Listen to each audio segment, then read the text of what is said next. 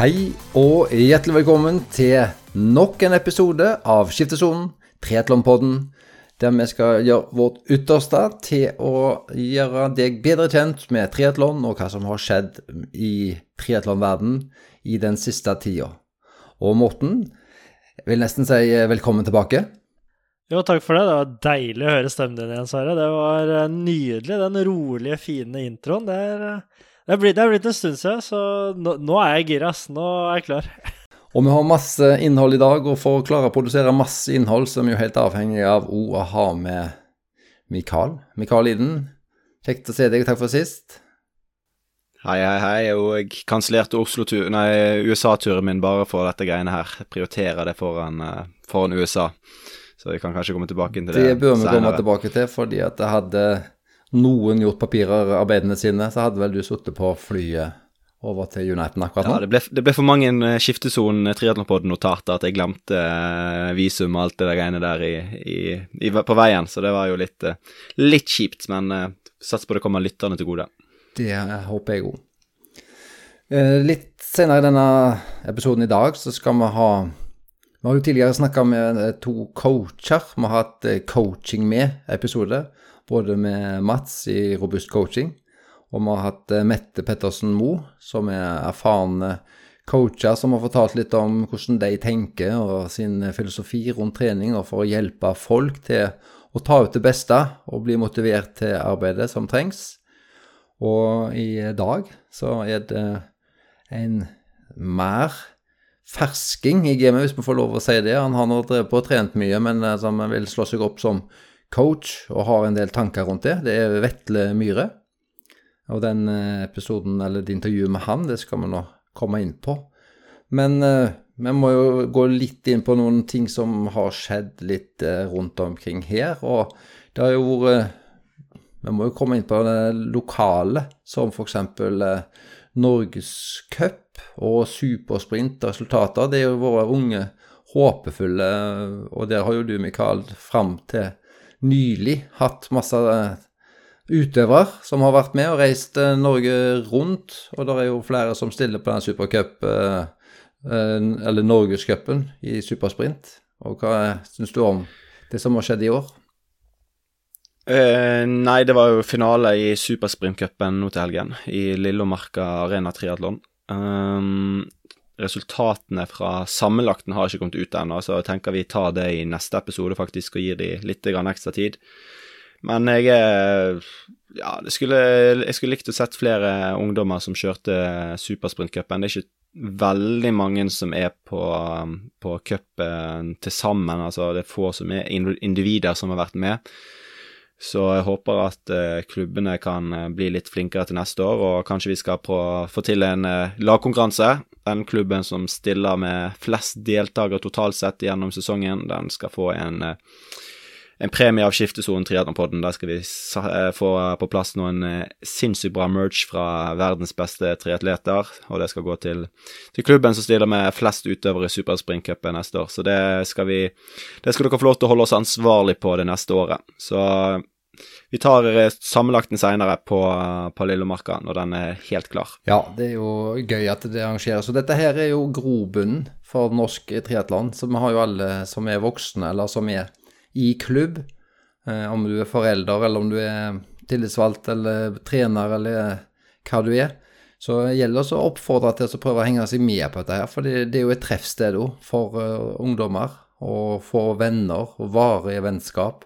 I tillegg til hyggelige turer, og selvfølgelig konkurransen, da. Men det trenger ikke være det aller, aller, aller viktigste at du må være i stand til å vinne hvert eneste løp for å delta. Nei, det er bare å hoppe i det som klubb og som, eh, som deltaker eller utøver altså foreldre. Det er bare å hive seg i bil og så kjøre til konkurransen og så se hva som skjer. Det verste er at du, eh, du kanskje ikke kommer i mål. Altså, det er ikke verre enn det. Så eh, det er bare til å svømme, sykle og løpe, og så prøver du på nytt igjen på neste mulighet. Men eh, som sagt, Klubber, utfordrer dere. Den som har mest mulig deltakere neste år, skal få en premie fra oss. Det er jo veldig synd nå at det er såpass dårlig oppmøte på Lillemarka, som er kanskje en av de mest spennende løypene du kan kjøre innenfor Norgescupen nå. For det er en ekstremt publikumsvennlig løype, og det er et veldig utfordrende løype i tillegg, som er, eh, som er utrolig kul å gjøre. Så der er det jo bare å kjøre på. Det er jo midten av Oslo òg, så det er uh, midtpunktet av Norge i tillegg. Så hadde vi jo for uh, voksne folk i større grad, med NM i uh, langdistanse, Coastman, sist helg. Hadde vi, favorittseier i herreklassen, eh, vil du si, eh, hvis vi starter med det, Morten, eller var det en liten eh, skrell? Nei, hva skal man si? Jeg kjenner jo kanskje rød best, så sånn sett så vil jeg kanskje si at det var Ja, forhold til hvem jeg heier på. Men kjenner jo begge to godt, og Kanskje en liten skrell? Han kjenner kanskje litt på det? Ja, det var i hvert fall Christian Rød, som vi har hatt i episoden, som eh, vant eh, NM langdistanse i Korsman. og det var vel en tre-fire minutter foran Hans Christian eh, Tungesvik, som òg har vært her, som kom på en annen plass. Men det var nok en eh, grei fight eh, mellom dem. vi har vel noen ganger kommet i vært litt uheldige og glemt, for vi har så mye å snakke om at vi har glemt å nevne eh, dameklassen. Men i, akkurat i NM langdistanse elite for, for, kvinner, så var det kun to som stilte. Ja, det var jo litt, eh, litt eh, dårlig deltakelse på damesiden, dessverre. Eh, det var jo en del som kjørte age group på kvinnesiden, men få, få damer. Det var Therese Ødegaard som vant foran ja, fra Oslofjord Triatlons foran Guro Kleiven fra Bodø CK som tok eh, andreplassen, og det var de to som var med der. Eh, men på, på langdistanse så var jo det en del, eh, en del kvinner, da. Det var vel syv stykker på, på påmeldt, altså seks stykker som fullførte. Der var det Johanna Haaland som vant uh, totalt sett. Vi trenger ikke gå inn i alle klasseseirene der. På herresiden så var det en uh, Marius Bjerkeseth som var først av, uh, av age-grupperne på, på 4-10. Og jeg syns jo Marius er verdt å nevne, for han har jo vært et veldig hyggelig og positivt tilskudd til bak bak fasadene i skiftesonen, for han har vært, uh, pleid å kunne gitt oss en tommel opp og gitt noen kommentarer og noen spørsmål til oss. Så det har egentlig vært veldig hyggelig at du, Marius, har uh, satsa så godt som du har uh, gjort i år. Uh, virkelig en god innsats du har lagt ned, og vi legger merke til deg tilbake. Så gjensidig, uh, gjensidig glede har vi av hverandre. Kjekt å se. Nå ble det veldig søtt her. Marius, du skulle sett blikket Sverre ga oss andre når han sa dette. Men uh, Og det betydde glemme... mye. Dette betydde ja. mye for Sverre. Så ta med deg alt dette her, Marius. Det, det fortjener du. Absolutt. Ja, Vi må ikke glemme Andreas Mattisdal Pedersen, som tok uh, tredjeplassen. Han er gjedden i sivet sjøl og er med stort sett der det. Så Andreas, det var, um, det var godt jobbet til deg òg. Tredjeplass i NM langdistanse. Men Du tok meg litt på senga der, Morten, med å stikke, stikke såpass. Men da Eh, for at det ikke skal bli for eh, sukkersøtt, eh, kunne du nevnt for lytterne våre Vi snakka litt om Norseman siste episode, meg og Mikael, da var ikke du med. Og vi trålte listene opp og ned, opp og ned, og lette. Ikke fant vi ikke fant med noe DNF og ikke fant med noe resultat. Hvor ble Morten Hansen av til årets eh, Norseman? Han gjorde jo dette her alene i fjor, for et år siden, for å forberede seg godt. Og så gikk det jo fullstendig eh, åt skogen. ja, der kom stikket. Den, den, kjente jeg på litt nå, altså. Men uh, hvor ble Morten Hansen av? Nei, han var i hvert fall ikke med på Norseman, så det er ikke noe vits å, å scrolle rundt på de der resultatlistene lenger. Dere finner ikke noe Morten Hansen der, med mindre det er en navnbror. Uh, nei, hva skal jeg si? Det, det stikker. Um, har vel så å si i hvert fall tatt en solid pause. Så det tar nok litt tid før jeg ser meg på noen resultatlister eh, i nærmest fremtid. Men uh, kommer nok tilbake igjen, da. Jeg er veldig gira på å kjøre Lillomarka neste år, for det er en jævlig kul løype. Så det blir nok kanskje det neste jeg er med på, sånn sett. Men uh, skulle gjerne vært med. Det ble jo en bra fight uh, mellom de som var med, og ja, hadde vært veldig gøy å være med i den. Men det hadde jeg ikke vært i år med den treningen jeg la ned siden i fjor. Nei, men vi vil jo gjerne ha deg litt opp igjen i ringene med, altså, for det er veldig gøy å se når du, når du er i form og gir oss glede. Så vi håper at du er kommet tilbake i, i, i ringene. Å jo da. Jeg er ikke langt unna, så jeg kommer tilbake igjen. Apropos eh, form, kan jo Morten ta oss igjennom noen utøvere som har blitt eh, Flere utøvere som har vært i eh, Ja, blitt tatt i det siste. Ja, nå er det leie inngangen til doping eh, du skulle komme inn på, Mikael. Og vi hadde vel et par navn i siste sending. og Det er ikke noe kjekt å supplere den eh, lista i dag, Morten?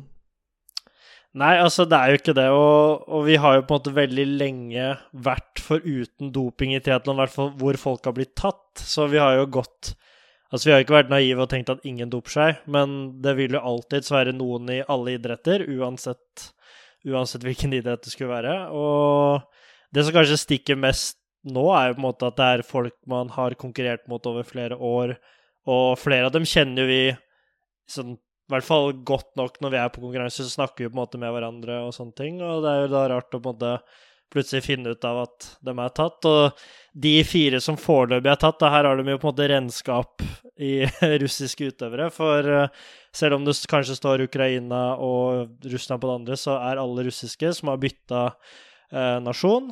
Og foreløpig så er det da Vladimir Tubajevskij, som har vært en veldig god e-cup- og worldcup-utøver. Og så har vi jo Julia Jelostratova fra Ukraina.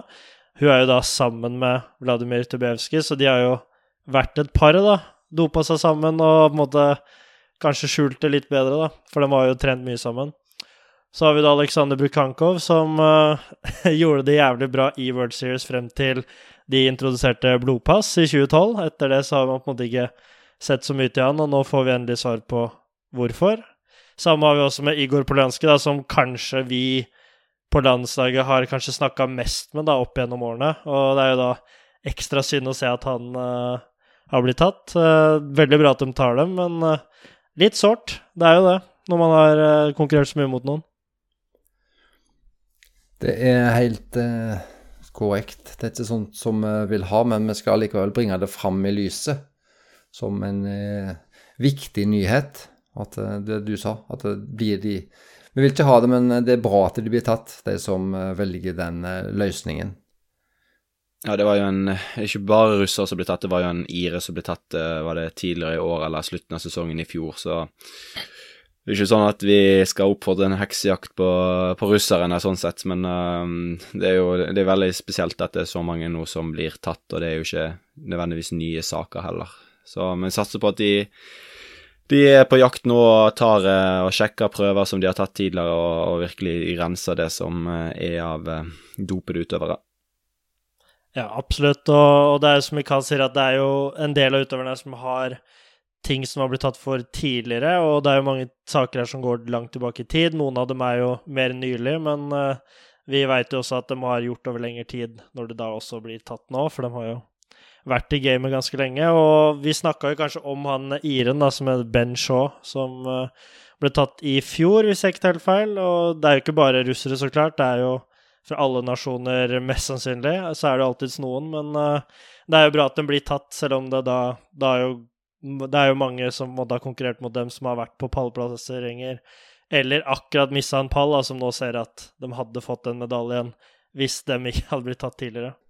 Vi må òg nevne vel eh, Hawaii, Mikael, som òg er Det er jo trist for oss som hadde gledet oss til det, og vi visste at vi både hadde Gustav og Både Gustav og Christian som var kvalifisert til Kona Hawaii VM. Nå kom jo ikke Kasper med, men uh, den har vel i første omgang blitt utsatt. Det, kan det være muligheter for at det blir helt uh, avlyst òg, tror du? Ja, det ser veldig sånn ut. Uh, Hawaii er blitt utsatt til 5. 5. februar 2022. Uh, men de fleste som vi har snakket med nå nede i Slovakia, uh, sier at uh, det er veldig liten sannsynlighet for at det kommer til å gå Eh, sånn som den nye oppdaterte eh, datoen er. Det er veldig mye aktivitet på Hawaii i det tidsrommet. Eh, mye dyrere f.eks. å bo der. Og koronasituasjonen vil nok mest sannsynlig ikke endre seg så veldig mye på tre måneder. Den største grunnen for at de da utsatte er pga. Uh, uh, sykehuskapasiteten på Hawaii. Det er en liten øy med et lite, lite sykehus. og Akkurat nå så er jo det fullt med koronapasienter, og hvis det f.eks. er en sykkelkrasj på Hawaii, så er det ingen steder å ta imot en som, en som krasjer. Så um, de fleste vi har snakket med, har jo sagt at det mest sannsynlig ikke kommer til å skje i februar, og da blir det oktober igjen 2022. Um, så det er jo veldig trist at Ironman ikke klarer å bare flytte, flytte VM til et annet arrangement uh, på fastland i USA f.eks., og kombinere det med, med, et annet løp som allerede går. Uh, for utøverne sin del så er det et VM som er viktigst, og at de beste utøverne stiller, ikke nødvendigvis at det er på, på øyen på Hawaii. Um, så jeg tenker jo at de burde ta en ekstraordinært år der de kjører, uh, kjører, VM et annet sted, uh, men det kommer nok uh, de ikke til å gjøre. Det er for mye, for mye stolthet og kontrakter i forhold til å ha det på Hawaii, tror jeg. Vet vi noe om dersom det nå blir avlyst og blir utsatt, eller går først i oktober 2022, vil det bli noen nye plasser? Er det noen grunn til å tro at det blir noen kvalifisering på et eller annet vis, eller blir det kun de som er kvalifisert per nå? Det vet jeg ikke. Eh, diskuterte det litt tidligere i dag med noen andre, med Gustav og gjengen der. Eh, og ja, hvis det allerede er fullt for proffer nå, eh, så, så, er det ingen som får mulighet til å kvalifisere seg på nytt. Og de som var kvalifisert for to år siden nå, da, altså i 2019, er jo ikke eller i 2019-2020 er jo ikke de samme utøverne i 2022. Uh, så om de skal gi nye plasser, gi flere plasser, eller begynne kvalifiseringen på nytt neste år. Det, det vet jeg ikke, men det er veldig interessant uh, å se hvordan de ender opp med å gjøre det, da. Det blir det, og nå hadde vi jo både Kristian og Gustav som var klar og skulle sette i gang forberedelsene, men de, hva gjør de nå istedenfor? Det var vel en VM 70,3. Den, vel, uh, den går vel som planlagt? Ja, så Gustav og Christian skal kjøre VM 70,3 i St. George, Utah, USA. Det er vel 18. september, og så har vel begge to eh, så å si bestemt seg for å kjøre en annen Ironman i da eh, oktober-november. Um, så de har vel ikke offentliggjort helt hvilke konkurranser de gjør. Det er ikke sikkert at de ender opp med å kjøre den samme konkurransen. Men det er for å få, få gjort på en måte unna prosjektet, og for Christians del så blir det jo da få øvd litt inn mot uh, Sub 7. Han har jo veldig lyst til å kjøre en konkurranse. Uh, men det, det, er veldig, det, er vanskelig for de å motivere seg uh, til Hawaii når man ser at det mest sannsynlig blir avlyst. så skal man prøve å sånn halvveis holde det gående i forhold til å kjøre bra på Hawaii i februar. Det, akkurat den er litt sånn tricky nå, så vi får ta bare ett mål av gangen, og så ser vi litt når det nærmer seg hvordan, hvordan man skal gjøre, gjøre det. Tenker du at det er en fordel eller ulempe, det med de forberedelsene de gjorde til OL, eh, selv om det var relativt kort frist eller kort vei mot den opprinnelige Hawaii-planen? Ville den formen de tok med seg fra OL, selv om det var en annen distanse, ville det vært en fordel for deg? Eller vil det være en fordel om de nå, hvis de prioriterer, kan prioritere en eh, Kona-VM senere? Vil det være en større fordel å få brukt lengre tid, selv om de da ikke har den OL- formen inne? Vanskelig spørsmål. Jeg tenker det er jo litt sånn feil å si i forhold til toppidrettsutøvere, men motivasjonen eller driven til å gå mot konkurransen er jo veldig avgjørende. Hvis det er sånn veldig stor usikkerhet om det kommer til å bli eller ikke, så er det vanskelig å legge ned og legge en veldig, veldig, veldig god plan på hvordan du tenker å gjøre det. Uh, så nå vil jo de kjøre andre konkurranser. Uh, temperaturen i februar er mest sannsynlig mye lavere enn han ville vært eh, på det vanlige tidspunktet, så det kan bli en temperatur som er rundt 24-25 grader, som er det samme som var i Frankfurt eller vanlige, vanlige Ironman-konkurranser om sommeren i Europa. Uh, så, så, det er jo veldig få som egentlig vet hvordan en, Hawaii, et Hawaii-løp blir under andre uh, forhold. da. Og hvordan skal du da gjøre for, treningen inn mot det? Altså varmetrening, er det vi tenker jo at vi er gode på varmetrening i Norge, men ville likevel vært en disadvantage. eller sånn, ja, jeg, begynt, jeg snakket for mye engelsk siste uken ennå, så det blir for mange engelskord. Uh, ja, at det ikke er en fordel for oss allikevel. Så ja, det er vanskelig å si hvordan, hvordan det går. Så vi, de får ta med seg de Ironman-løpene de får til i oktober-november, så får, se, får, vi se hvordan det status er i forhold til Hawaii da. Det får vi gjøre. Og du skal jo trene og gjøre sammen med i hvert fall med Gustav eh, framover. Og du er vel bare treningspartner og hjelper, og ikke coach. Men eh, du fungerer vel litt som coach til Gustav òg, eller gjør du ikke det nå? Eh, jo, så det blir vel en type sparingspartner. Eh, så alle de guttene på landslaget der er jo veldig selvstendige og veldig flinke til å ta egne beslutninger. og Vi har en modell der utøverne til syvende og siste gjør sine siste beslutninger i forhold til trening. Så, men alle trenger jo team og en gruppe rundt seg som er med på å lage de store helhetlige planene i forhold til trening. og struktur og periodisering. Eh, og så er det kanskje ned på enkeltløkten, så er det til syvende og sist utøver sjøl som tar beslutningen. Så jeg er med på, på det store og det lille, sånn eh, det neste, den neste tiden.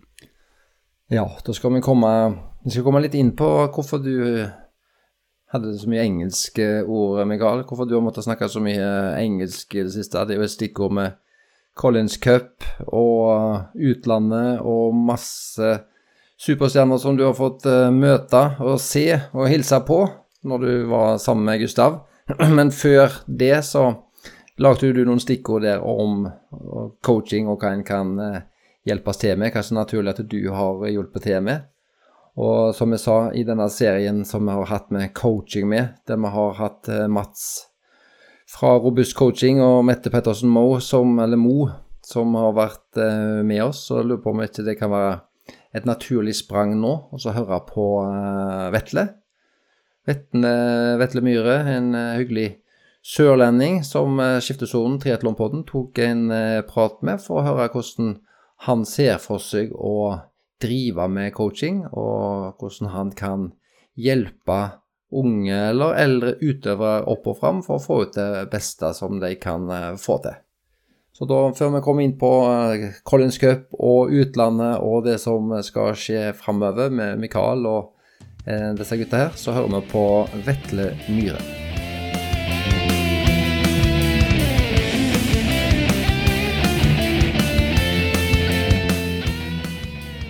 Da er vi der at vi har kommet oss eh, til en ny episode i det temaet som vi kaller coaching med. Og vi har fått en eh, ny person med oss, coach. Ganske ny for mange sikkert, den heter Vetle Myhre. Velkommen inn til skiftesonen, eh, Vetle. Hei, hei. Takk skal du ha. Takk skal du ha.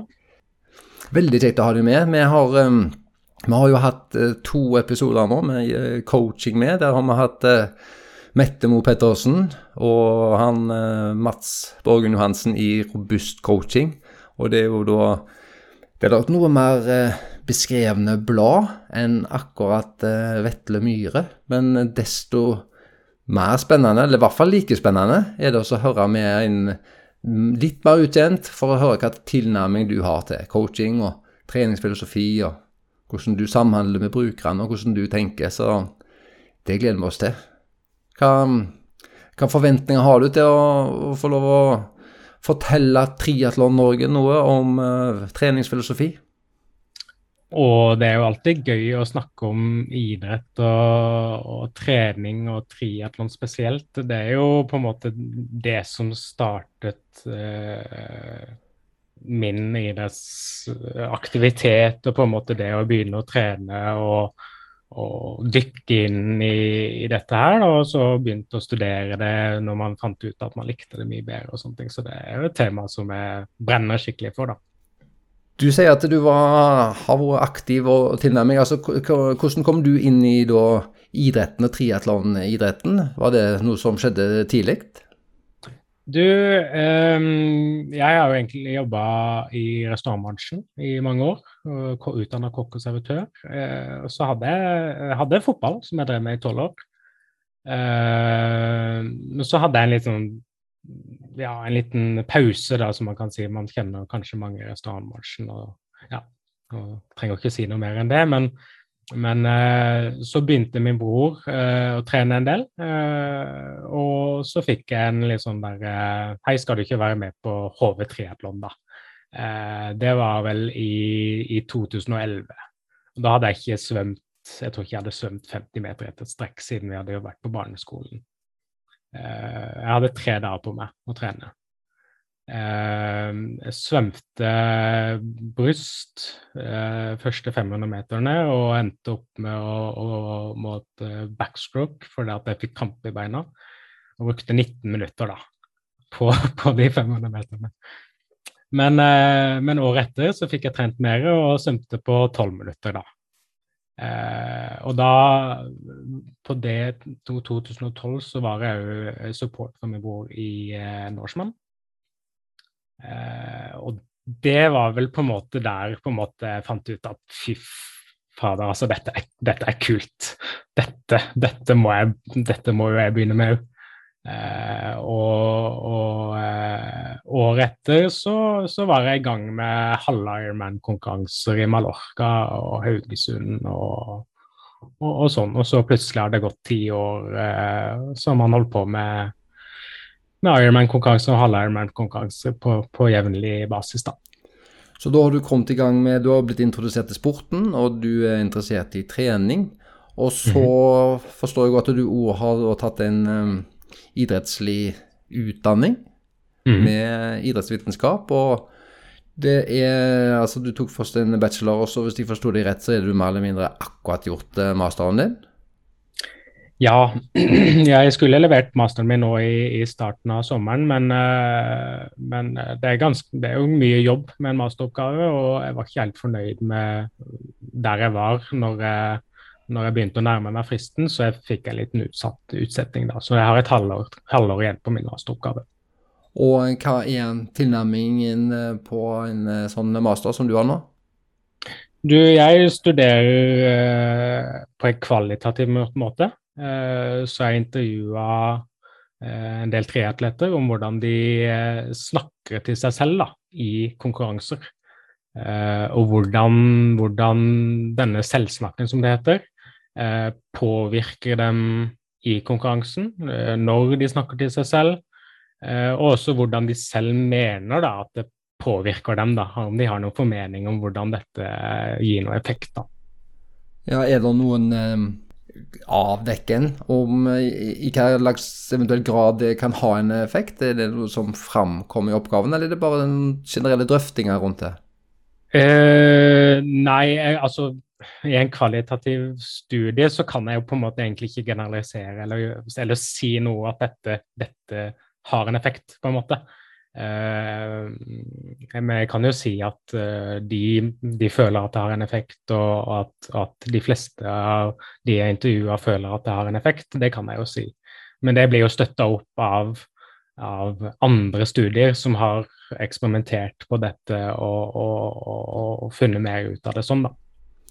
Men eh, når vi nå om litt skal komme inn og spørre deg litt om treningsfilosofi, så er jo det, det er jo den fysiske biten. Men jeg vil jo mhm. anta at akkurat den mentale biten og, og selvsnakking kan uh, fort bli en, en del av uh, din tilnærming? Absolutt, absolutt. Eh, eh, den mentale delen av, av, trening og konkurranse, og spesielt Ironman-konkurranse, som er så lang, lang eh, i tid. Man har ganske god tid til å snakke til seg selv når man, man holder på eh, i konkurranse og sånne ting. Og det har jeg jo selv erfart, og det er jo kanskje også den måten jeg kom inn eh, og ville studere dette her videre, da. Og så som en, Det er ikke en kuriositet, men jeg syns det er gøy at du faktisk har eh, Jeg kunne merka meg at du har vært med på 70,3 verdensmesterskapet i Mount Tremblant i 2015. Det var jo ikke yes. verst. Altså, det er jo litt av en liten å hake av. ja, absolutt. Absolutt. Det, mm, det, var vel Haugesund i 2014 hvor jeg klarte å, å kvalifisere meg der. Det var eh, første konkurranse hvor jeg brøyt femtimersgrensa eh, med ett minutt. Eh, og sto på medaljeseremonien der eh, som plassering nummer 40 eller 47 og sånne ting. Eh, og der var det ingen som hadde møtt opp, så da tok jeg meg plass til, til verdensmesterskapet. Da. Så det var jo ja, det, det, er jo virkelig en av de store, store opplevelsene å være med der, og bare å delta. Herregud. Men da har du jo erfaring med å nærme deg et stort mål, altså trene mot et spesifikt eh, stort eh, mål. Og jeg vil jo anta at det er noe som må du ta med videre, fordi hvis en driver som coach, så kan det jo være at noen av de som en har på å samarbeide med, har, har noen litt store mål. Absolutt, absolutt. Så man eh, jeg, jeg, har vært, jeg, har alltid vært ganske strukturert i, i tilnærming til trening og, og, planlegging. Det har alltid vært veldig interessert i det. Og, og planlegge de neste månedene og år og sånne ting. Så, så, det har jo sikkert hjulpet til at jeg har klart det målet der, f.eks. Og, og, komme så langt, da. Iallfall for min del. Eh, før vi går spesifikt inn eh, Vetle, på ting, eh, så spør jeg, den, spør jeg deg Nå skal du fortelle folk som er nysgjerrige på dette med coach, og det enkle spørsmålet som er så vanskelig. Hvorfor skal en bruke en coach? Ja, hvorfor det. Jo, en coach eh, tror jeg jo vil skape mindre stress med treningen. Eh, vi kan hjelpe med å skape en rød tråd gjennom treningen, og at man har mindre av de her eh, lapskaustreningene, på en måte. Eh, det skap, kan hjelpe med å skape struktur, eh, effektiv utvikling. Eh, færre skader kan det hjelpe til med. Eh, og så vil du jo ha tilgjengelig en med faglig kunnskap. Eh, jeg er veldig opptatt av at det skal være kunnskapsbasert. At jeg har noe jeg kan backe opp med av, det jeg tilskriver. Og da har du jo på en måte Den utøveren har jo da en du kan spare med, da. En du kan spørre ting. Ikke vel, kommer det opp noe som jeg vil trene det, eller burde jeg trene det? Så kan du liksom si at nei, dette funker, dette funker ikke, dette er det ikke noe hold i, eller sånne ting, da. Ja. Er det noen utøver, utøvere sånn, er, det, en typisk utøver som bør vurdere å bruke en coach, eller er det for uh, absolutt alle? Jeg vil jo egentlig si at for alle som ønsker å ta kanskje steget litt opp og få litt mer ut av treningen sin. eh, ja, absolutt. Få mer glede av det de gjør og, og sånt. Det Eh, det, det, tror jeg, og det, det, er et godt poeng. Men når du da eh, snakker om å hindre skader, rød tråd, sånn helt eh, konkret, hva er det du eh, kan eh, hjelpe en utøver med? Hvordan vil du tilnærme deg en, en utøver? hvordan jeg tilnærmer meg en utøver? det er, jo, det er viktig for meg når jeg får kontakt med en utøver, at vi, at vi utveksler på en måte At jeg får vite så mye jeg kan da, av eh, forutsetningene til denne utøveren. Eh, det gjelder eh, treningshistorikk, skader, hvordan de trener nå. Eh, familiesituasjon, livssituasjon, livsstil. you name it. på en måte Alt som den personen er villig til å dele, da, som kan være med å påvirke treningen. Eh, vil jo gjøre at jeg kan gjøre en mye bedre jobb og, og, og skape den beste treningsplanen og opplegget for den personen. Eh, for, for, trening og utvikling er jo eh, veldig individuelt. Så, så, så den, oppfølgingen må jo være veldig individuell per, på, til den, den, personen. da. Og når du da tenker du, du skal jobbe fram et, et treningsprogram, du er blitt litt kjent med totalbelastning, hva personen liker, eh, skadehistorikk, eh, eh, målsetning som vedkommende har. Om det er mm. et løp, eller om det er at vedkommende skal bare trene til de 80 år. Mm. Og når du da har fått avklart det, er det da noen sånn typisk sånn treningsfilosofi som, som du har, som du vil tilby og ha som en tilnærming til personen? eh, nå er det jo Det er jo veldig individuelt. Eh, jeg, eh, jeg er nok veldig fan av på en måte jevn trening og bygge det opp. Eh, bygge med, med, små skritt som, som, når det store målet, holdt jeg på å si, på slutten. Um, jeg var med på det ETC-seminaret her i, i, våres, og da sa olympisk gullmedaljevinner Gwen Jørgensen at på en måte det er viktigere med de jevne, uh, jevne øktene i forhold til de her ekstreme, ekstreme eh, trening, gode treningsøktene, da. Så, så, det er jo kanskje på en måte noe, noe jeg fokuserer på, da. Har du eh, fått lov til å følge noen utøvere så langt, over litt tid? La oss si et år eller mer? Jeg har hatt, uh, hatt en utøver som jeg har fulgt nå siden, uh, siden oktober. Uh, på, har hatt ganske tett, tett oppfølging. Så, så, det endte med en 19 minutters pers på HV3. Så det var ikke helt planlagt at utøveren skulle gjøre det, så det var, skulle egentlig være en vanlig treningsuke. Men, uh, så det var ikke noe tid til noe formtopping eller noe sånt der. Men, uh, men uh, det gikk ganske bra likevel. Og denne utøveren, var det en som har tilnærma seg som allerede var godt i gang med trening, eller er det en som også skulle få med seg en livsstilsendring eller noe sånn en, en lengre reise på lang sikt? Nei, det er en som allerede har, har holdt på. som på en måte har tatt som jeg jobba litt med, med å, å gi, den mer effektive treningen og introdusere det med å, å trene på soner og, og, trene mer rolig og ikke få de der hoppa i, i og lapskaustreninger, hvis man kan si det. Og Hvordan samarbeider du med de? Er det, eh, tenker du å eh, er det samlinger, er det på e-post, er det telefon, Teams? Eh, hva slags kontakt har du med de, og så ofte? Uh, det vil jo være litt forskjellige pakke pakker da, uh, som jeg kommer til å tilby. Men, men, de som på en måte man jobber tettest med, da, så, så blir det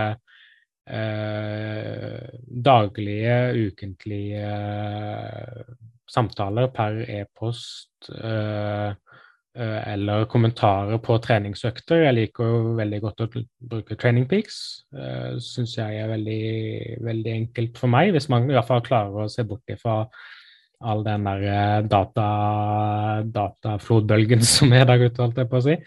Men komme med tips, analyser og kommentarer på det de har gjort der. Og så får jeg gjerne litt sånn ukesoppdateringer. Hvor det er jo litt sånn samtaler fram og tilbake til hva som kan være lurt å gjøre, om det er noen nye konkurranser som skal gjøres, så man må endre litt der, eh, og sånne ting. da, og det, det har fungert veldig bra. Ser du for deg at en er nødt til å bruke Training Peaks for å samarbeide med deg, eller eh, kan du bruke andre plattformer som, som folk allerede er i gang med? Eh, jeg har nok sett for meg at jeg skal helst bruke det. Uh, så det, men, men det, man må jo alltid på en måte tilpasse seg, da. Uh, så, så, det er kanskje noe jeg må se på etter hvert som, som folk tar kontakt med meg, og hva, hva de ønsker. Uh, det, det, er jo ganske lett å koble til alt av, av klokker og sånne ting til f.eks. Training Peaks sammen med Garmin og alt sånne ting, så jeg tror jo egentlig ikke det skal være noe problem. Eh, men, men, det er sånn man må ta egentlig etter hvert. Vil en utøver trenge uh, å uh, ha kostnad på Training Peaks, eller er det noe som du som trener har en trenerpakke som gjør at han eller hun kan disponere dette her?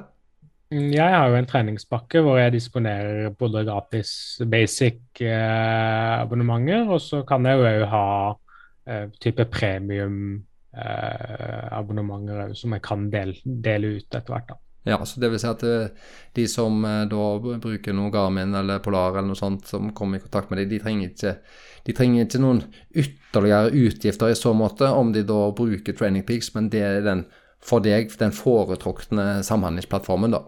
Ja, det gjør, det gjør, det litt enklere for meg å planlegge, og, og de har jo på en måte en lang liste med treningsøkter så kan jeg kan ha i en database og bare overføre og sånne ting. Så det gjør det jo, det gjør det jo litt mer effektivt for meg som trener å planlegge videre, da. Det, det gjør det jo.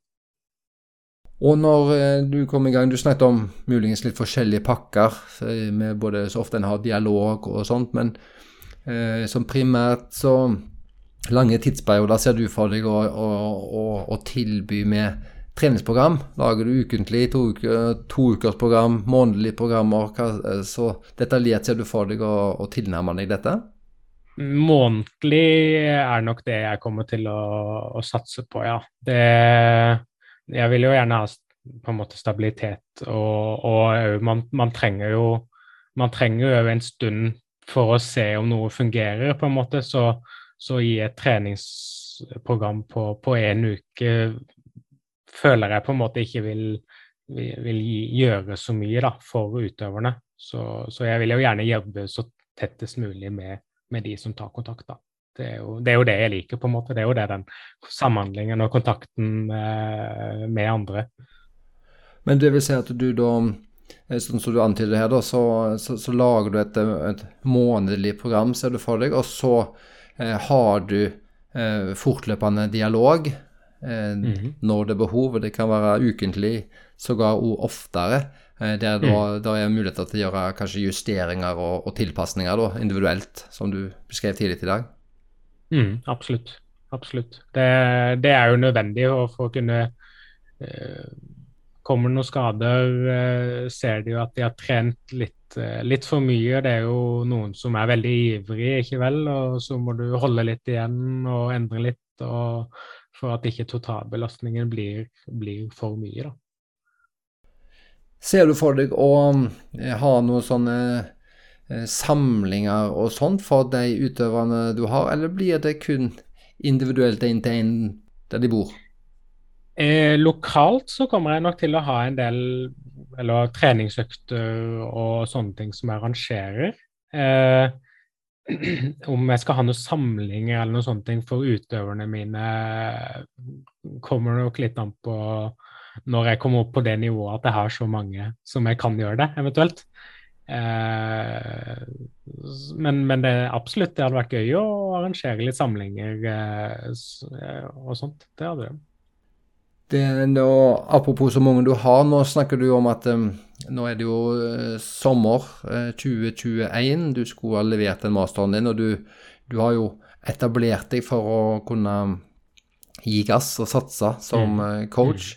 Mm. og selv om oppgaven din og innleveringen av masteren er utsatt et halvt år, så forsto det sånn at du, du har etablert deg nå, du har kunnskapsgrunnlaget, og du, du er i gang.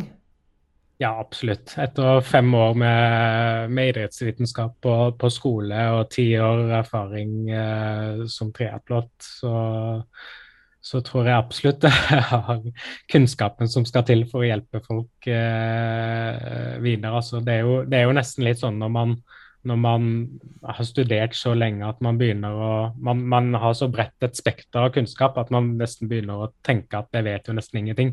Ja. På en måte, det, altså det kommer liksom til det punktet der. Eh, men, men, jeg vet jo at jeg er aldri utlært. Eh, så, så, jeg gleder meg til å liksom eh, komme i gang med å jobbe med folk, og samtidig med å utvikle meg videre. og og lese nye studier og, og, og, utvide horisonten sånn, da. Så det, det, er skikkelig spennende å komme i gang nå. Eh, ser du for deg å vil, vil, du si at du er en eh, triatlon-coach, eller er du en eh, innenfor utholdenhet? Er, du, er, det naturlig for en løper å bruke deg, en syklist å bruke deg, en svømmer å bruke deg? Eller er det triatleten som er hovedtilnærmingen din som coach? Jeg vil nok Altså, jeg kaller meg jo på en måte endurance og mental coach, da. Eh, men logoen min er det jo løper, svømmer og, og syklist. Så, så, det er vel innenfor den sfæren der som jeg fokuserer på. Eh, om de er løpere, syklister, triatleter eh, eller, eller vil får litt hjelp til svømmingen, så, så, så, så vil jeg gjerne hjelpe, hjelpe, i den sfæren der, da. Det er det, vil jeg jo. Håper det er greit at jeg spør om dette. Det er jo alltid en del som er nysgjerrige på eh, så mye dette kan koste. Nå vet vi, mm. har du forklart oss hvorfor en kan vurdere å bruke coach, hva en coach kan hjelpe med. Men hvis vi da tenker at eh, dette her kan være aktuelt for, for meg, så mye må en forvente å omtrent betale for en sånn type tjeneste? Jo, eh, med, med, en ganske tett oppfølging, så det er jo litt sånn spenn i forhold til hvor tett oppfølging det blir, på en måte. Men med tre pakker som jeg har, da, så er det mellom 500, 1000 og 2000, da. Og da er det jo en stigende grad av, av oppfølging. Der, der, på det øverste nivået så er det daglig, daglig oppfølging året rundt, holdt jeg på å si. Men hvem er det som eh, På den eh, eksempelvis Midtøsterpakken der, da, til 1000, er det da at en har lov å sende så eh, fem mail i morgen? Eller har en lov å ringe fem ganger? Eller hvordan definerer du forskjellen på den som tar en pakke til de, ja, som har de forskjellige pakkene, da? Og på Facebook-siden min så har jeg på en måte definert produktene mine, da. Men, og der står det jo hvor, hvor tett oppfølging og sånne ting det er. Eh, så på den midterste så er det på, på, en måte litt tett oppfølging i begynnelsen. Og så går det litt mer over til eh, type, type, ukentlig eh, oppfølging ved type rapporter og, og litt sånn fram og tilbake på mailer der, da. Men på det øverste så er jeg på en måte nesten tilgjengelig hele tiden i, i arbeidstiden da, på hver, hver dag, da. Det, så der er det Der kan man spørre og samhandle og være en sparringspartner. Og på den innslagssummen der på 500, er det, er det noe som helst oppfølging der i starten f.eks., eller er det kun på programmet en får da, for de 500? Altså, der er det jo òg startgreia med på en måte et spørreskjema og en, en, et, et, møte personlig eller på Zoom, eh, er jo på en måte basen som er nesten lik på alle pakkene. da. Men på inngangssummen så er det mer en månedlig, månedlig, oppfølging, på en måte, der man på en måte kommer inn etter en måned og ser hvordan går det eh, og setter litt på treninga di. Eh, hvordan føler du det? og så, ja, Sånne ting, da. Ja, Så du, så du gjør det? Så du, du, du ser gjennom treningsdagboken, eh, diskuterer litt på belastning, eh, eh hvordan en eh, føler kroppen er, potensielt skader, og så gjør eventuelt da noen justeringer og sånn til neste program, selv på den ja. pakken der. Absolutt. Ja, kjempefint. Det, det er greit å få en, en sånn eh, avklaring, for det er nok eh, en del som lurer så mye dette her kan koste. Det, det er viktig å kunne, å, å kunne avklare det for, eh, for, alle. Absolutt. Hvis det er noen som har lyst til å er nysgjerrige på deg som coach og din tilnærming og din filosofi og sånt. Eh, er det noen foretrykkende foretrukne steder de kan eh, få tak i deg, gjennom nettsted eller sosiale medier eller noe sånt? Mm. Eh, Alfakrøll Myhre coaching, så kommer du til siden min på Facebook. Og så har jeg òg en Instagram som jeg har holdt på med i ti, år, ti år, som heter myhre.coaching. Så der kommer jeg òg til å legge ut en del innhold eh, etter hvert, da. Så da er det egentlig bare til å å bli bedre kjent med deg der. Og mm. sånn, nå har vi hørt stemmen din, og vi har hørt litt eh, hva du står for, og hvordan du ønsker å jobbe, og hva bakgrunn du har. Eh, så vil jeg da, eh, før jeg takker deg helt av, så så jeg på et sted eh, der det sto noe om et langsiktig mål. Langsiktig mål er fortsatt eh, verdensmesterskapet Ironman Kona Hawaii. Det Oi, fant jeg en plass. Det, fortsatt, ja. Eh, det så jeg. Og så tenkte jeg at det, oh. det absolutt kan dette her være, passe sammen med å være coach, men er det fortsatt eh, et mål for deg nå, vet du? Altså, eh, som coach har jeg i hvert fall kunnskapen til å ta meg selv dit, men eh, men Ja, det var nå en påstand. Det, det, var en, altså, det, var en, tøff påstand, da. men, men altså Og Hawaii er jo drømmen, da. Hæ? Ja, absolutt. Det er, jo, det er jo det største drømmen. Men, eh, men, jeg tror i hvert fall den, den næreste blir kanskje å, å, få seg en billett til Norseman. Det, det, har jeg lyst til. Nå begynte jo på en måte reisen med å være med min bror. Eh, så å fått vært med på Norseman selv og fått uh, svart eh, finisher-T-skjorte der når han fikk hvit eh, finisher-T-skjorte, ja, det var gøy. Så, så, det, så, det, betyr at du fortsatt eh, vil være en eh, aktiv coach? Altså Om du ikke trener med utøveren, så vil du fortsatt praktisere og, og holde god gang med egen trening? Ja, absolutt. Det er jo det jeg elsker. Jeg elsker jo å være i aktivitet og, og, og, trene og drive på med dette her. Så det, det, det får du meg ikke til å slutte med, altså. Godt å høre. Da har vi store gleder både med trening og med coaching. Da takker jeg deg, Vetle, for at du var med og ga oss et eh, innslag i denne delen, som vi da fortsetter å kalle coaching med, og i dette tilfellet Vetle Myhre. Hjertelig tusen takk for at jeg fikk være med. altså.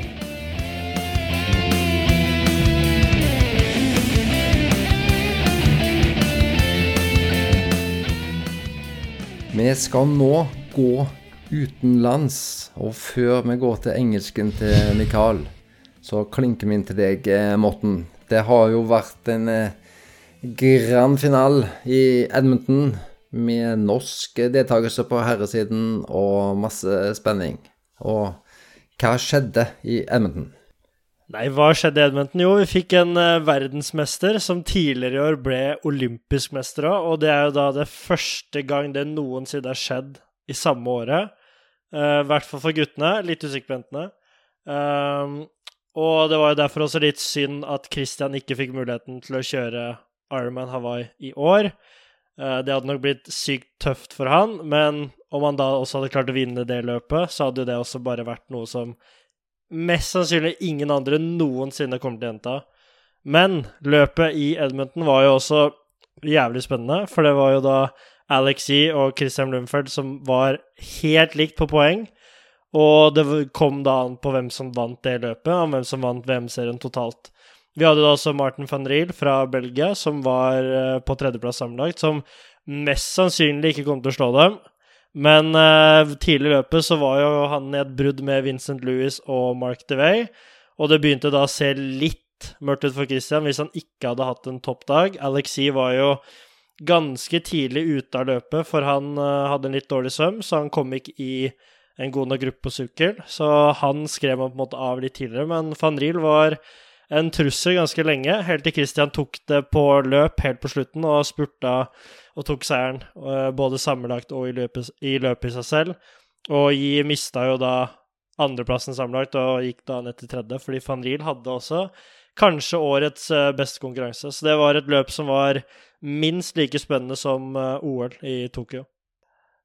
Dette er jo da første gang Christian ikke har gjort en langspurt, men heller venta til det er 200 meter igjen. For uh, som han har sagt selv senere, er jo på en måte at det er så sykt slitsomt å gå liksom to kilometer før, sånn type han gjorde i Tokyo. Så han uh, tenkte at uh, ja, Leo er god til å spurte, van Riel er god til å spurte, men jeg tror jeg tar dem. Og det gjorde han jo. Så nå, nå kan han jo spurte òg, så nå er det jo ingenting som går til å stoppe han fremover. Ja, men jeg mente han hadde vel noen sånne fartsøkninger. og gikk opp i ledelsen noen kilometer før, sånn som han uh, pleier, og testa vel litt. Uh, minne, minne, minne det ble litt testing, ja. men uh, det er nok fint for han å vite at han har en liten spurt hvis han virkelig trenger det, og ikke har en Vincent Louis i toppform.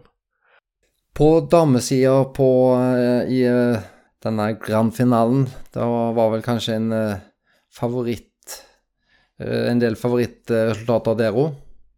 Ja, altså i Grand Finale Den største overraskelsen der på damesiden var nok at Leon Léon Perriot fra Frankrike klarte å komme på andreplass. Det var kanskje noe ingen forventa. Hun har jo hatt en relativt god sesong, men ikke noe sånn der eh, outstanding. Så det var jo ganske gøy at hun kom på pallen. Flora Duffy kom jo da på tredjeplass, og Taylor Nibb, som viser at hun eh, virkelig fortjente den plassen i OL, tok jo da seieren. Så det var jo en annen fra USA, Taylor Spivey, som uh, har vært litt sur for at hun ikke kom til OL. Hun fikk jo da en pallplassering sammenlagt, men uh, havna rett utenfor pallen i det løpet òg. Men uh, det var gøy å se at hun faktisk ble slått av noen fra USA òg, så at hun ikke bare kan gå rundt og klage på at hun ikke kom til OL. Jeg snakket jo litt med Taylor Nibb nå i uken som var, og artig eh, jente i forhold til taktikk og, og, den type ting. Tenker ja, Jeg skal ikke si hva man tenker om utøverne, sånn sett, men uh, hun hadde hørt inn i svinger at uh, Flora Duffy ikke var på hjulet, at hun sluttet å trø. Så hun hadde hørt lyden av at uh, tikket, så da fant hun ut da rykker jeg. Så hun er skikkelig race-smart, som man sier, og, og, skikkelig på en måte ja, Hun er med på alle detaljene i idretten, så det er skikkelig gøy å se. Hun er jo 23 år gammel, utrolig ung, men uh, har en helt vill sykkelkapasitet og er, er meget oppegående forhold til uh, triatlon, altså.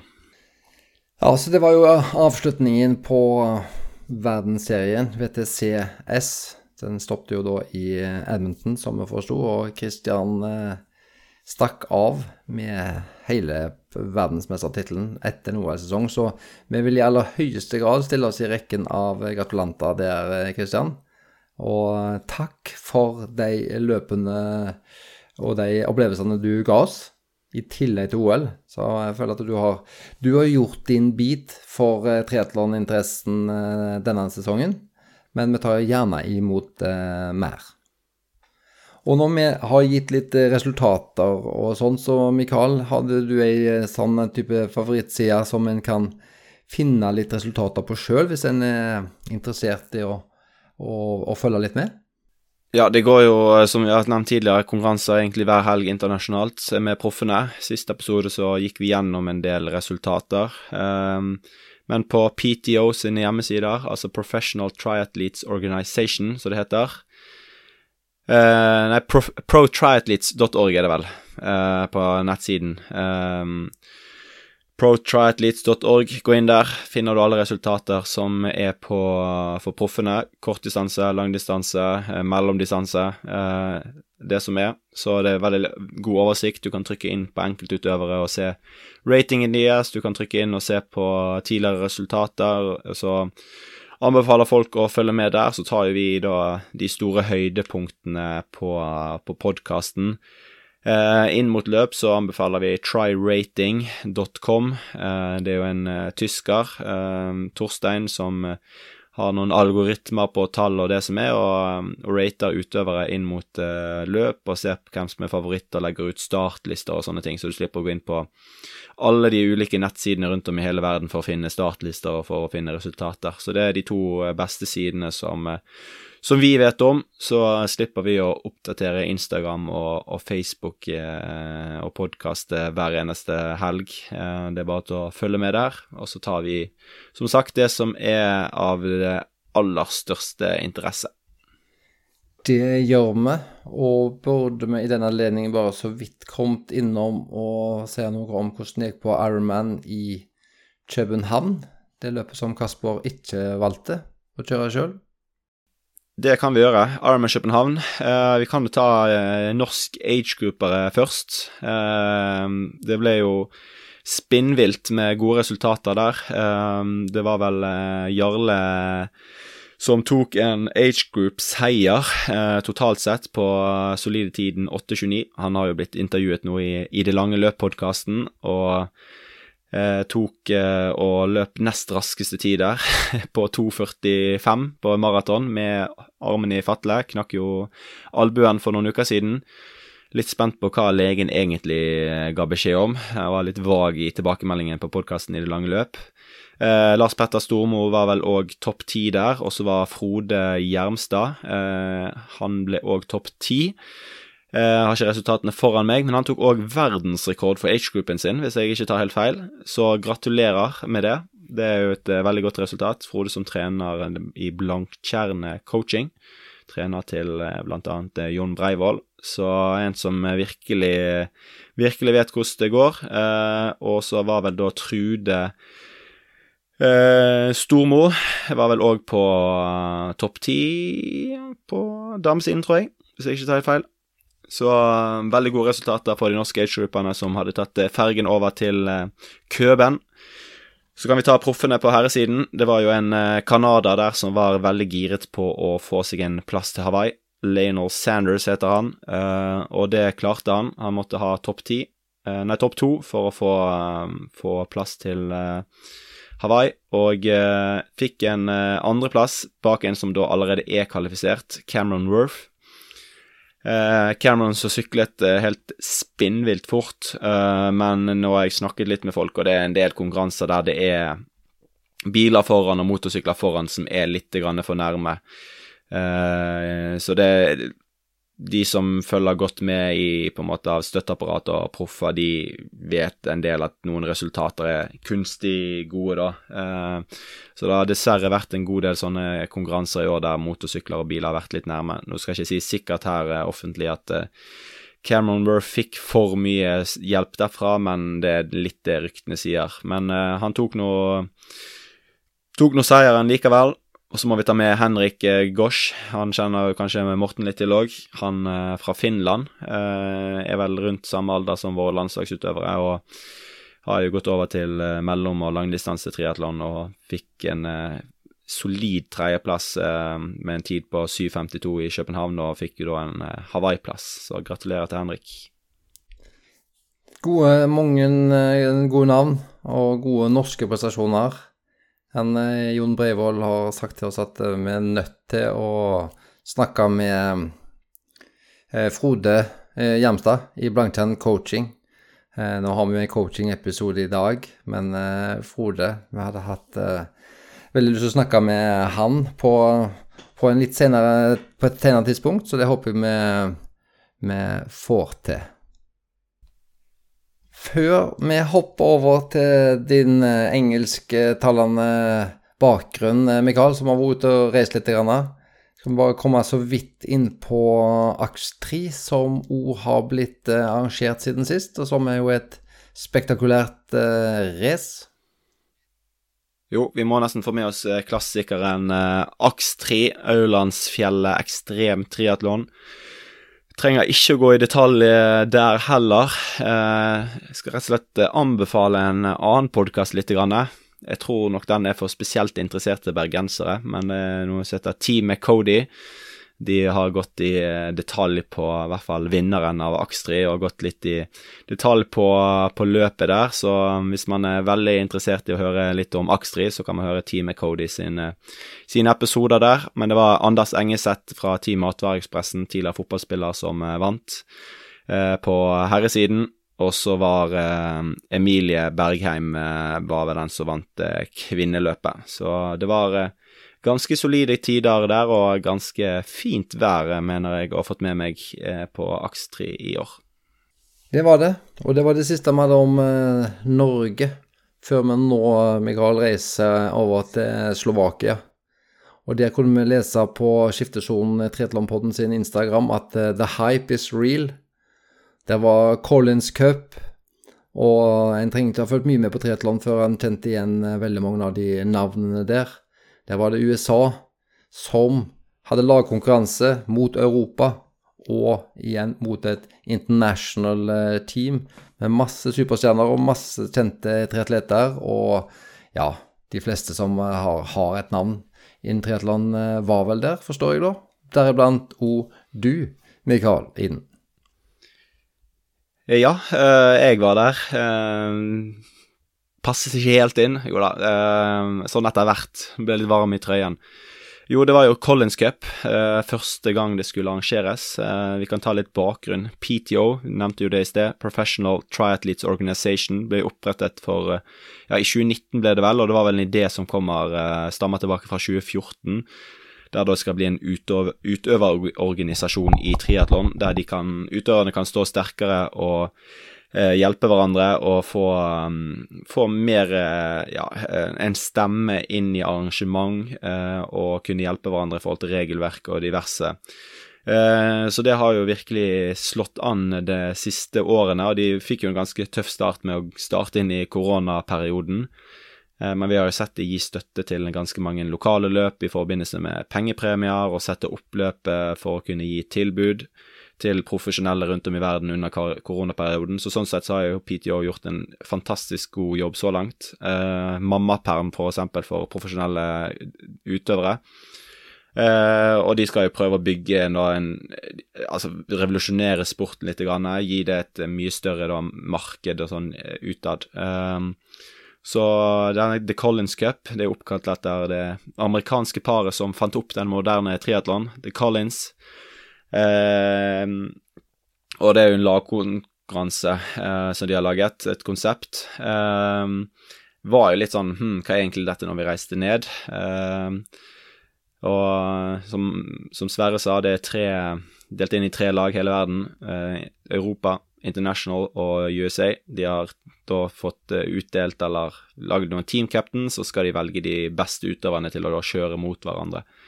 Så folk har vel sett løpet, men ja, når vi var på den åpningsseremonien, det var vel på onsdagen eller torsdagen, så det var egentlig litt eh, kult dette, og spesielt å være der nede. For utøverne er jo en helt annen setting, de måtte være der en, helt, en hel uke. Eh, og man sitter og spiser eh, måltider sammen tre, tre, ganger for dagen, bytter litt på bord og sånne ting. Så for utøverne sin del så var det veldig samle, og de ble veldig godt kjent, og så vidt støtteapparatet. Så jeg synes at de kjente veldig godt på liksom at eh, ok, det ble et lag, man ble Man er ikke der liksom Altså Er du på en konkurranse på uh, Norseman, så er du konkurrenter, og du er gjerne litt stresset, og du vil ikke snakke med konkurrentene dine eller på NM, men her her uh, var man på en måte på det samme, da.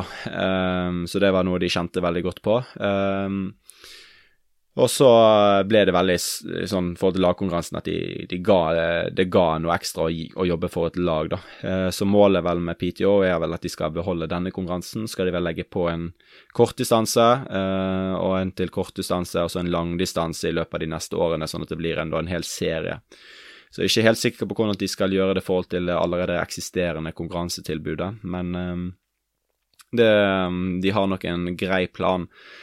Men vi kan nå uh, gå litt inn på Collins Cup sånn sett. Det var litt uh, Ble litt skuffet når jeg var der nede i forhold til at arenaen var sånn svømmearenaen et sted, og så måtte du løpe 200-300 meter, så hadde du trans transition zone. Løpeløypen var jo en hel runde der du ikke fikk sett noen ting, og så var målområdet enda flere hundre meter borte, der du måtte forbi tusenvis av gjerder for å komme deg bort. Så sånn, det å være tilskuer der og få med seg hele løpet var fryktelig dårlig. og Uh, spesielt hvis du skal følge en spesiell utøver, og det var vel det på TV-sendingen. Jeg vet ikke hvordan det var, var med dere.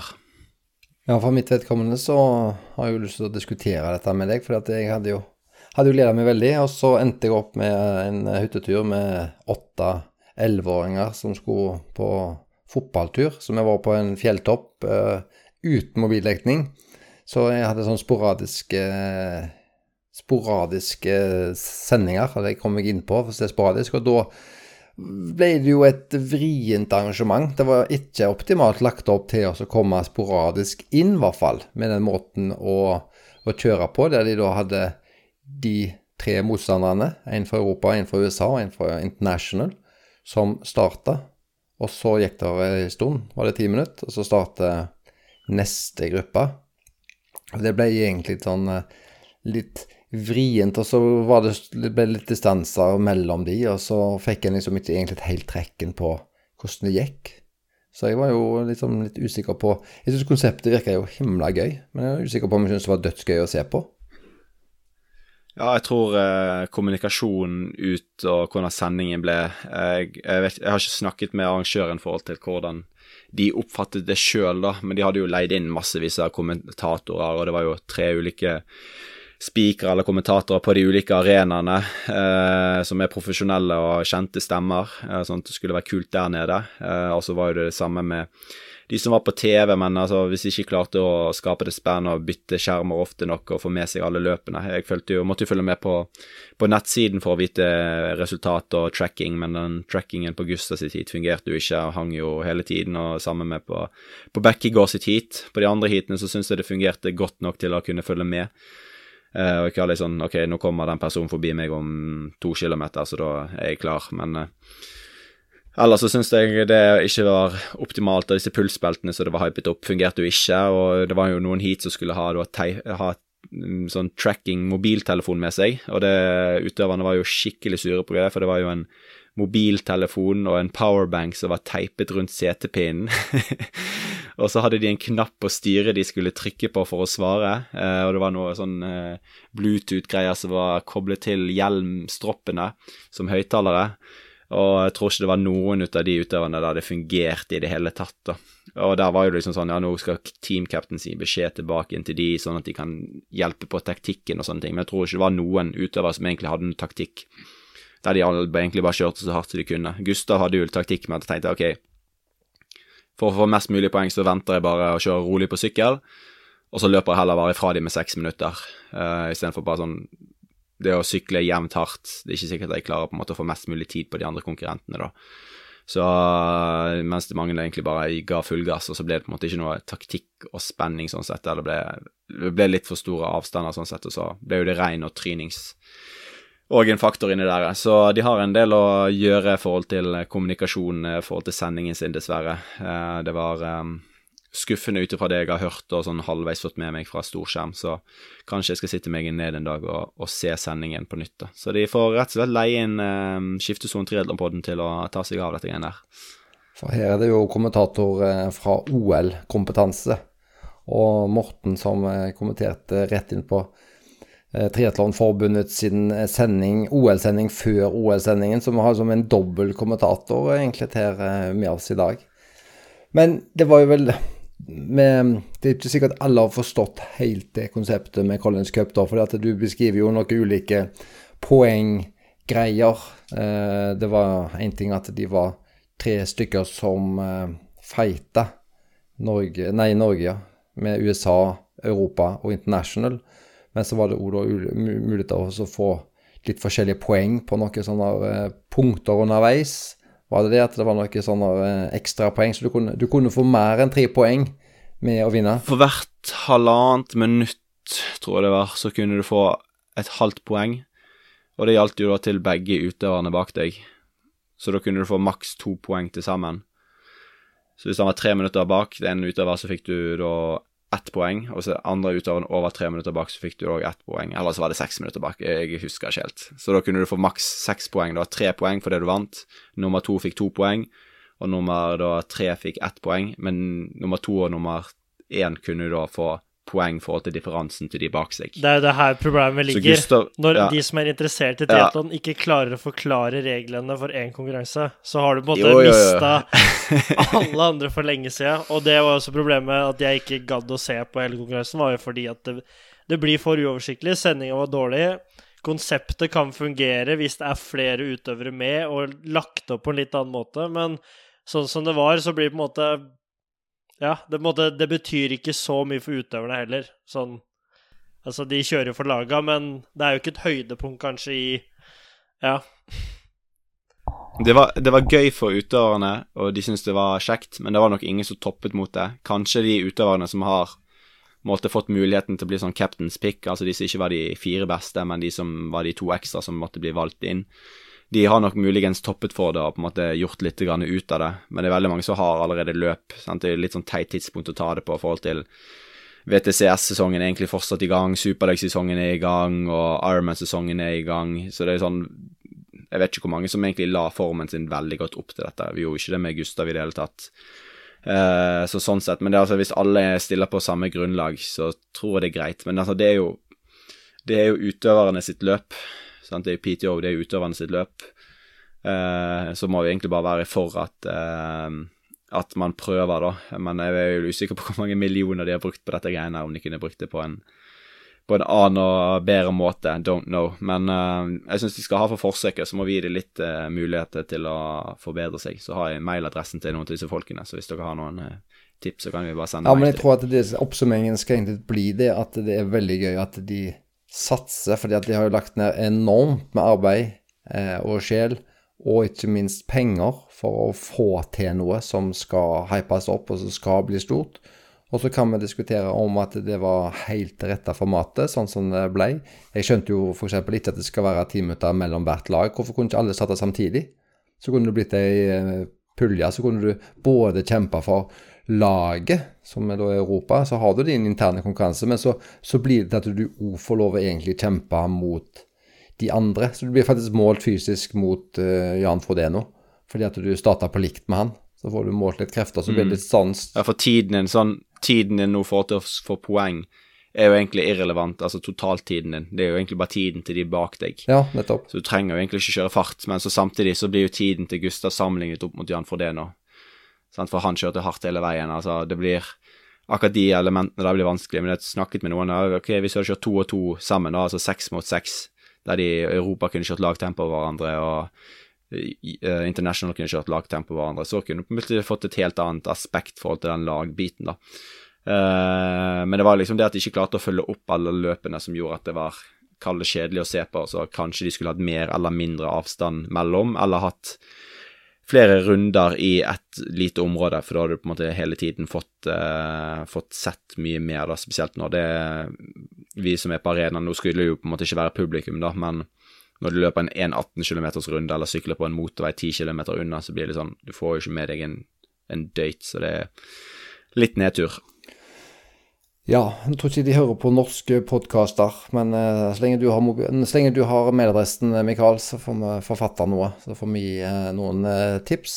Og så gleder vi oss egentlig til neste sånne arrangementer der de gir gass og prøver å få til noe litt ekstraordinært ja, det var jo i hvert fall gøy å være der nede og bli kjent med de andre utøverne. Og får jo, for min del, for å si det rett ut, så får jeg en litt gratisbillett inn med, med Gustav, som er blant de beste utøverne, eh, og en utøvd type. Så snakka jeg med Sam Long og Lionel Sanders, Jan Frodeno hilste vi på. og alle de Lucy Charles og ja, hele, hele gjengen satt vi og spiste middag med på et eller annet tidspunkt. Seferis og ikke snik, snikskryt, men uh, i hvert fall um, kanskje, litt, kanskje, litt, greit og kult for norske folk å høre at det, på en måte, veien videre er på en måte ikke Det er ikke så mange steg unna. Uh, at man er, man er, i nærheten der hvis man blir flink, eller uh, hvis man vil noen steder. Så, så er det helt normale folk, det òg, og, og, det er mulig å komme seg inn på det nivået og bli, bli kjent med de beste utøverne. Utrolig hyggelige folk, stort sett alle sammen, utenom tyskerne. Det er noen ja. arrogante jævler. Jeg tok og sjekka Instagram-kontoene til de som du nevnte der, og det var det er ingen ennå som har uh, tagga at de har uh, hengt sammen med Mikael Iden? Nei, jeg har fått noen følgere. Sanders har begynt å følge meg på Instagram, så um, ja. Så det tenker jeg er stort nok, det. Da er jeg fornøyd med uken. Litt snikskritt. Litt snikskritt. Litt. Det Men det må være lov. Til og med, til og med storebror Eden blir litt starstruck. Ja, det hadde jeg ikke trodd. Det, det, det, hadde jeg absolutt ikke trodd. Det var det absolutt lov å, å, å, bli, da. Men så, da er vi liksom egentlig ferdig med det som vi ville komme inn på i dag. Men det ble vel sagt det, Mikael, at du, du, var jo et papirarbeid unna å reise til USA nå. Gustav kom seg i vei, han hadde papirene i orden. Men eh, du måtte hjemom til Bergen nå i dag, og reiser kanskje om noen dager. Hva er da de umiddelbare planene nå de neste par ukene? Uh, nei, jeg skulle jo egentlig reise til USA med Gustav. Uh, så vel litt det komme at jeg ikke hadde alle de papirene som jeg trengte, i orden. Um, på et par dager før jeg skulle reise, altså sist uke. Og satset på at det gikk, uh, gikk riktig. Uh, så jeg har manglet samme papirer som Jan Frodeno manglet når han skulle til Miami, NIE, som det heter, eh, som Person of Interest eller noe sånt som det, for å komme inn i USA. Så det var, ble plutselig for liten tid til å få det godkjent, så da fløy jeg heller hjem til Norge. Så får jeg fly ned igjen i løpet av en, en, ukes tid så flyr jeg bort igjen til USA. Eller ikke igjen, men flyr bort. Eh, Gustav er kommet bort der, og Christian skal bort. Så da fortsetter arbeidet, da, så sats på at jeg får papirene mine i orden. Men det er ikke sånn sykt problematisk, egentlig, og det er vel en ganske normal greie at folk uh, sliter med å kunne reise bort der. Jeg er ikke den første som har hatt problemer. Snakket med flere som hadde slitt med akkurat det samme, men jeg tok det heller på en litt mer avslappet måte med å reise hjem istedenfor å stå på en flyplass i fire dager og prøve å stresse med å fikse det. Ja, men da har vi, ønsker vi deg og Gustav lykke til. Og Kristian, de forberedelsene til da Det er vel VM 70,3 eh, som blir eh, første prioritet, som en hovedprioritet da? Det er det neste som de skal gjøre. Og så kan vi jo ta med at uh, Kasper Stornes og Jon Breivoll skal kjøre VM Nei, ikke VM, men NIS 70,3. Uh, Ironman 70,3 i NIS. Så der får vi en, en ganske heftig norsk duell der. Jeg er litt usikker på hvem som tar den. Så Jon hører på, og Kasper hører ikke på podden, tror jeg. Så Jon, her bare stå på, så tar du, tar du en landslagsutøver. Og så blir det mm, Hamburg eh, Altså det blir ganske tettspekket med konkurranser nå de neste ukene. Det er vel Superliga òg egentlig hver eneste helg nå de neste fire-fem ukene. Så om vi klarer å dekke alt og legge ut alt, det er jeg litt usikker på. Vi er jo travle med våre vanlige jobber sånn ellers, eh, men nå er i hvert fall folk informert på at det kommer mye hver eneste helg, så det er egentlig bare å følge med på dine foretrukne triatlonsider. Flott. Eh, og Morten, du skal nå i hvert fall følge med på eh, triatlon, selv om du ikke får deltatt med det første. Men har du noen andre Er det statist og hovedrolle i B-filmer som det dreier seg om nå eller videre, eller har du noen sånne planer det neste? Ja, det bare sleng den på meg, du. Det er Dra stemninga ned. Bare dra den rett ned før vi avslutter her. Nei, Eh, nei, nei, jeg har det er jo kjempegøy. Jeg har noen eh, prosjekter eh, fremover. Jeg skal være med på noe som er litt hysjers om to uker, så jeg kan dessverre ikke si noe om det. Utenom det så blir det jo bare noe vanlig statisting og litt filmcrew-jobbing, så jeg har eh, nok å gjøre om dagen, selv om det ikke er triatlon-relatert, så ja. Men du var jo på et teater her også for litt siden? ja, det var jeg. Og der var jo også Jørgen Gundersen og kjæresten og så på. Det, fikk dessverre ikke møtt dem etter forestillingen, så jeg fikk ikke den ærlige tilbakemeldingen.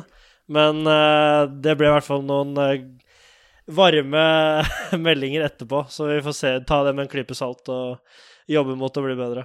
Men ja, nok å drive med.